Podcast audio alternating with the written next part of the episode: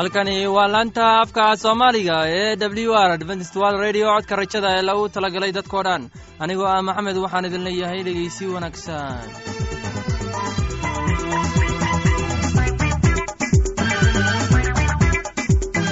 barnaamijyadeena maanta waa laba qaybood qaybta koowaad. Waxaad ku maqli doontaan barnaamijka caafimaadka. Uu inoo soo jeedinaya shiino. Kadib waxaa inoo raacaya cashar inaga imaanaya bugga nolosha. Uu inoo soo jeedin doona cabdulaahi labadaasi barnaamij ee xiisaha leh waxaa inoo dheer heese daabacsan oo aynu idiin soo xulnay kuwaas aynu filayno inaad ka heli doontaan. Dhegeystayaasheenna qiimaha iyo khadradda lahow waxaynu kaa codsanaynaa inaad barnaamijkeenna si haboon u dhegeysataan haddii aad wax su'aalaha qabto ama aad haysid wax tala ama tusaale fadlan inala soo xiriiri dib ayaynu kaaga sheegi doonaa ciwaankeenna. Bal intaynan u gudagelin barnaamijyadeena xiisaha leh waxaad marka hore ku soo dhowaataan heestan daabacsan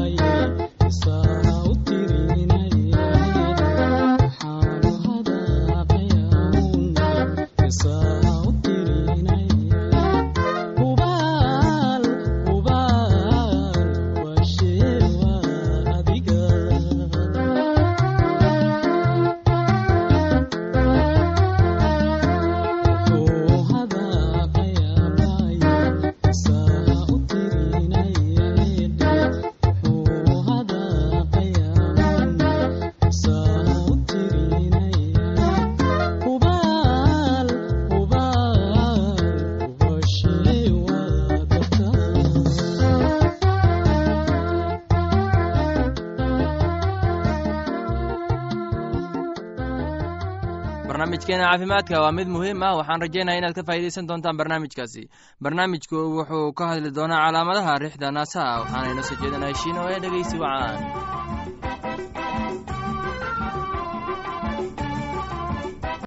Waxaan filayaa inaad ka faa'iidaysateen heestani. Haddana waxaad ku soo dhowaataan barnaamijkii doktor luuq ee caafimaadka. Muxuu dor lukos inooga sheegi doonaa sokorowga maanta dor lukos wuxuu nagala hadli doonaa cudurka sokorowga kaasoo isa soo taraya una saameynaya dadka ku nool dunida oo dhan. Aynu ku bilowno dor lukos wuxuu ka sheegi doono sheeko ku saabsan asxaab cudurka sokorowga qaba. Baki wuxuu ahaa nin konton iyo kow jir ah wuxuuna ahaa ganacsade oo lahaa meheradiisa wuxuu soo shaqeeyey in badan shaqadiisa oo wakhti aad u yar u sii heli jiray sida uu ku jimicsado.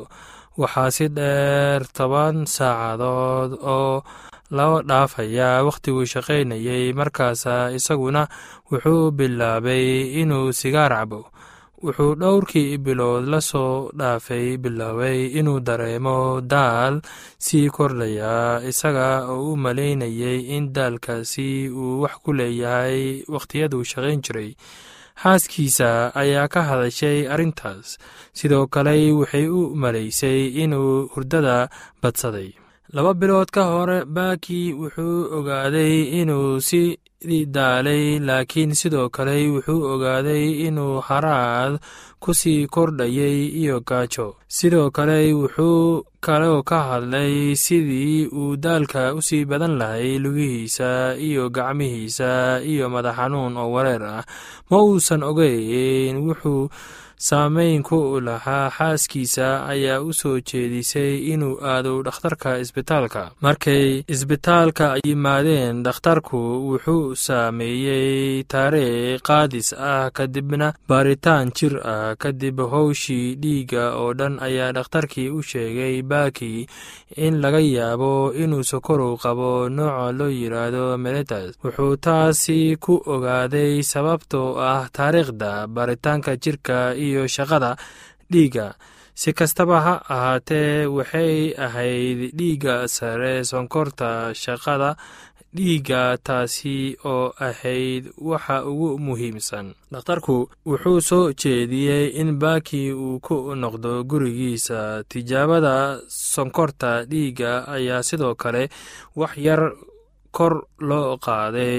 Dhakhtarkii wuxuu sheegay in baki uu helo tijaabo laba ee xaqiijinta dambe wuxuuna soo soomay waxbana uma cunin marka laga reebo laba-iyo toban saacadood ka horna inta la soo gaarin bartaanka sonkorta dhiigga baki ayaa markale sameeyey taas oo natiijada sonkorta dhiigu sidoo kale xooga yar kacsanayd dhakhtarkiina ayaa u sheegay baki in labada soonka ay sonkorta dhiigga ka muuqatay. Wuxuu caddeeyey in uu qabo sonkorta nooca labaad ee meletas si kastaba ha noqotee dhakhtarku wuxuu u sheegay baki in xilligan la joogo uusan u baahnayn inuu daawo sonkorta isticmaalo. Tani waxay ahayd wax wanaagsan baki laakiin wuxuu ka welwelsanaa dhibaatooyinka sonkorowga ku yeelan karo caafimaadkiisa. Dhakhtarku wuxuu markaa u sheegay baki inuu helay baaris kaadid oo khaas ah si loo eego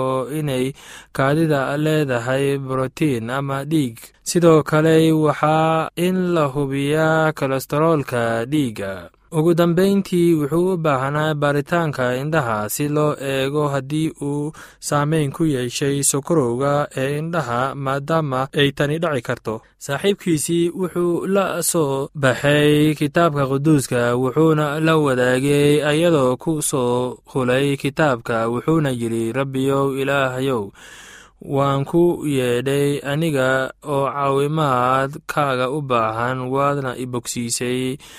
Rabbiyow waxaad iiga soo sara kicisay sool waxaadna ii badbaadisay maatanka yeruusaleem xitaa markii wax wacnayd ilaahay waa inuu naxariisanahay wuxuuna nagu qalbi qaboojiyaa xitaa daciifinimadayna baakii saaxiibkiisii wuxuu u soo jeestay meel kale oo ku qoran kitaabka oo yidhi mahad waxaa iska leh ilaaha oo naxariis badan iyo ilaaha gargaarka ah oo kan noo qaboojiyey dhibaatooyinka iyagu oo dhan sidan daraaddeed si aan uga dhiibi karno kuwaasi dhibaatada leh. Kadib markaas oo aan ku helno qalbi qaboojintii aan ka helnay rabbiga ebow wuxuu inoo siinayaa naxariis. Baakii naxariiskaasi ayaa yidhi si kastaba ha noqotee waa muhiim inaan ogaano ilaaha inuu awood leeyahay waxay la mid tahay in aad hesho raaxo dadka aan aqoon oo guud. Taasi waxay u muuqataa mid layaab badan. Laakiinse waxaad heli doontaa xoog marka ilaahay idin naxariisto oo markhaatiyaal ayaad iga noqon doontaan yeruusaleem iyo yahuudda oo oo dhan iyo samariya iyo meelaha adduunka ugu fog. Calaamooyinka ayaa la socon doontaan ee rumaysadka magacaygu ayay jinniyo ku raaci doonaan waxay ku hadli doonaan afaf cusub abeesooyin ayay qaadi doonaan hadday khamri cabaana. Waxaan filayaa inaad si aabbaun dhegaysateen casharkaasi haddaba haddii aad qabto wax su'aala oo ku saabsan barnaamijka caafimaadka fadlan inala soo xiriir. Ciwaankeenna waa codka rajada sanduuqa boosada afar laba laba todoba lix nairobi kenya. Mar labaad ciwaankeenna waa codka rajada sanduuqa boosada afar laba laba todoba lix nairobi kenya. Waxaa kaloo inagala soo xiriiri kartaan imeilka somali e w r at yahu dt com. Mar labaad imeilka waa somali e w r at yahu com. Haddana waxaad ku soo dhowaataan heestan daabacsan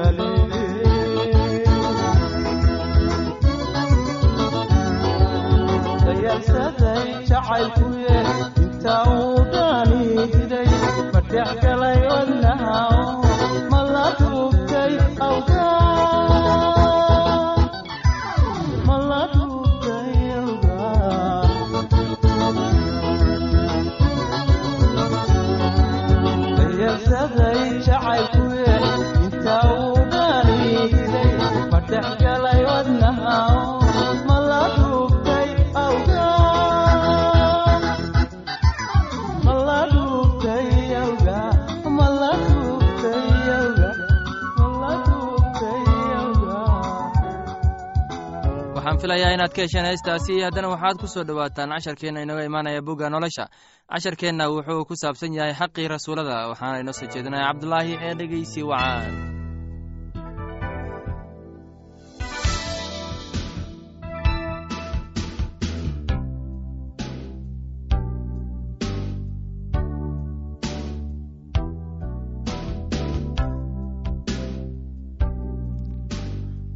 maantana dhegaystayaasheenna sharafta lahow waxaynu eegaynaa wixii rasuulkii xaqiisu ahaa ee uu sii daayey.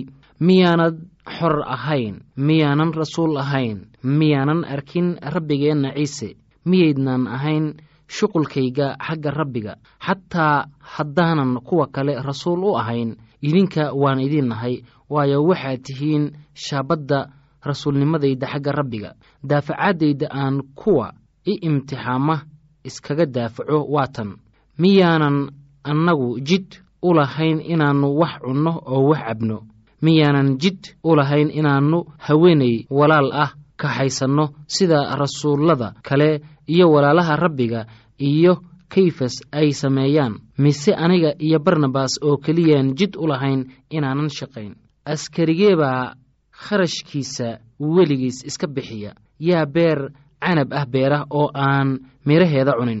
Ama yaa ari daajiyey oo aan caanaha ariga dhammin waxyaalahaas ma sida dad baan u leeyahay oo sharcigu miyuusan waxyaalahaas oo kale lahayn. Waayo waxaa ku qoran sharciga muuse. Waa inaadan dibiga af xirin markuu sarreenka burburinayo ma ilaah baa dibiyada oo keliya dhowra mise innagoo dhan buu inoola jeeda. Hubaal aawadeen baa loo qoray waayo kan beerta qodaa waa inuu rajo ku qodo kan tumaana waa inuu tumo isagoo rajaynaya inuu wax qayb u helo. Haddaannu idinku beernay waxyaalaha ruuxa ma wax weyn baa haddaannu waxyaalaha jidhka idinka urursanno qaar kale hadday waxaas jid idinku leeyihiin miyaanan annagu si ka badan idinku lahayn. Hase ahaatee waxaan noo jidka ah kuma aannu isticmaalin laakiin wax walba waannu u dulqaadannaa inaanan sina u joojin injiilka masiix. Miyaydnan ogayn kuwa waxyaalaha quduuska ah ka shaqeeya inay macbudka wax ka cunaan kuwa meesha allabariga ka adeegaana inay meesha allabariga qayb ku leeyihiin. Sidaas oo kale rabbigu wuxuu amray in kuwa dadka injiilka ku wacdiyaa ay injiilka ku noolaadaan laakiin waxyaalahaas midkoodna kuma aan isticmaalin. Haddana waxyaalahan u qori maayo in sidaas la ii yeelo waayo waxaa ii roon inaan dhinto intii nin uun faankayga ka dhigi lahaa wax aan ka jirin. Waayo haddaan dadka injiilka ku wacdiyo wax aan ku faano ma aha. Waayo wax baa i qasbaya. Maxaa yeelay waa ii hoog haddaanan dadka injiilka ku wacdigin. Waayo haddaan waxaas ku sameeyo doonistayda aawadeed abaalgud baan helayaa. Laakiin haddaanan doonistayda ku samayn weli wakiilnimo baa laygu aaminay. Haddaba abaalgudkaygu waa maxay waa in markaan injiilka dadka ku wacdiyo aan injiilka ka dhigo iib la'aan si aanan ugu wada isticmaalin waxa ii jidka ah xagga injiilka. Bal haddana aynu eegno aad buu ugu dadaalay inuu dad u jiido xagga masiixa ah waayo inkastoo aan xor ka ahaa dad oo dhan dhammaan ayaan addoon isaga dhigay si aan qaar kaloo badan u soo kordhiyo. Yuhuudda waxaan u noqday sida yuhuudi oo kale si aan yuhuud kale u soo kordhiyo. Kuwa sharciga ka hooseeyana sida mid sharciga ka hooseeya ayaan u noqday. Innaga oo aan sharciga ka hooseyn si aan kuwa sharciga ka hooseeya u soo kordhiyo. Xagga kuwa aan sharciga lahayn sida mid aan sharci lahayn ayaan u noqday. Anigoo aan ahayn mid sharcila xagga ilaah laakiin sharci leh xagga masiix si aan u soo kordhiyo kuwa aan sharciga lahayn. Xagga kuwa itaalka daran waxaan u noqday mid itaal daran si aan kuwa itaalka daran u soo kordhiyo. Dadka oo dhan ayaan wax kasta u noqday inaan si kastaba qaar ku badbaadiyo. Wax kasta waxaan u sameeyaa injiilka aawadiis si aan u noqdo mid injiilka la qaybsada iyaga bal haddana aynu eegno dadaalka loo baahan yahay si loo lib helo. Miyaanad ogeyn in kuwa tartan ku ordaa ay wada ordaan laakiin mid uunbaa dheefa hela. Miyaanad ogeyn in kuwa tartan ku ordaa ay wada ordaan laakiin mid uunbaa dheefta hela. Sidaas u orda inaad heshaan. Kii cayaarta aad ugu dadaalaa wax walba ayuu iska dhowraa. Kuwaasu haddaba waxay sidaas u yeelaan inay taaj dhammaanaya helaan. Innaguse waxaynu helaynaa mid aan dhammaanaynin. Haddaba anigu uma ordo qasdila'aan uma feertamo sida mid dabaysha ku dhufanaya. Laakiin jidhkaygaan dhibaa oo addoon ka dhigaa si markaan qaar kale injiidhka ku wacdiyo aan qudhayda lay diidin. Dhegaystayaasheenna sharafta lahow cashirkeennii maanta intaas ayuu ku dhan yahay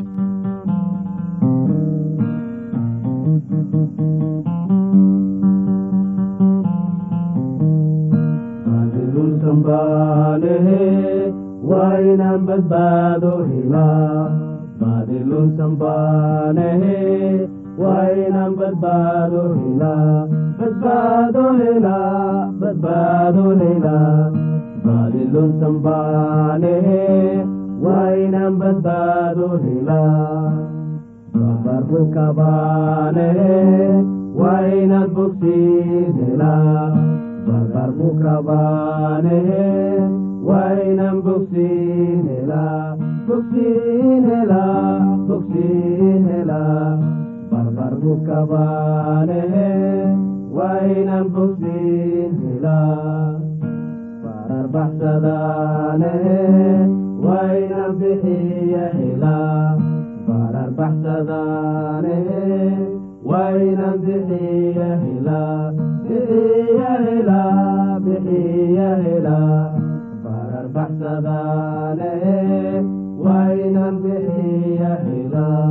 laanta soomaaliga ee w r dventstwal radio codka rajada waxay sii daysaa barnaamijyo kala duwan.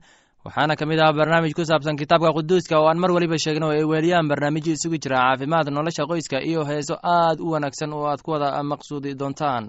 Casharkaasi inaga yimid bugga nolosha ayaynu ku soo gogweyneynaa barnaamijyadeena maanta halkaad inagala socoteen waa laanta afka soomaaliga ee codka rajada ee lagu talagalay dadkao dhan.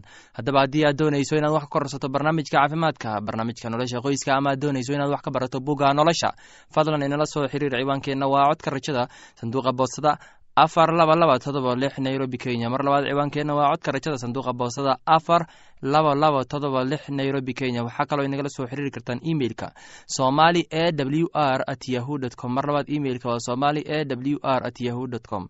Dhegeystayaasheenna qiimaha iyo khadradda lahow meel kasta aad joogtaan intaan mar kale hawada dib ugu kulmayno. Anigoo ah maxamed waxaan idin leeyahay sidaas iyo nabadgelyo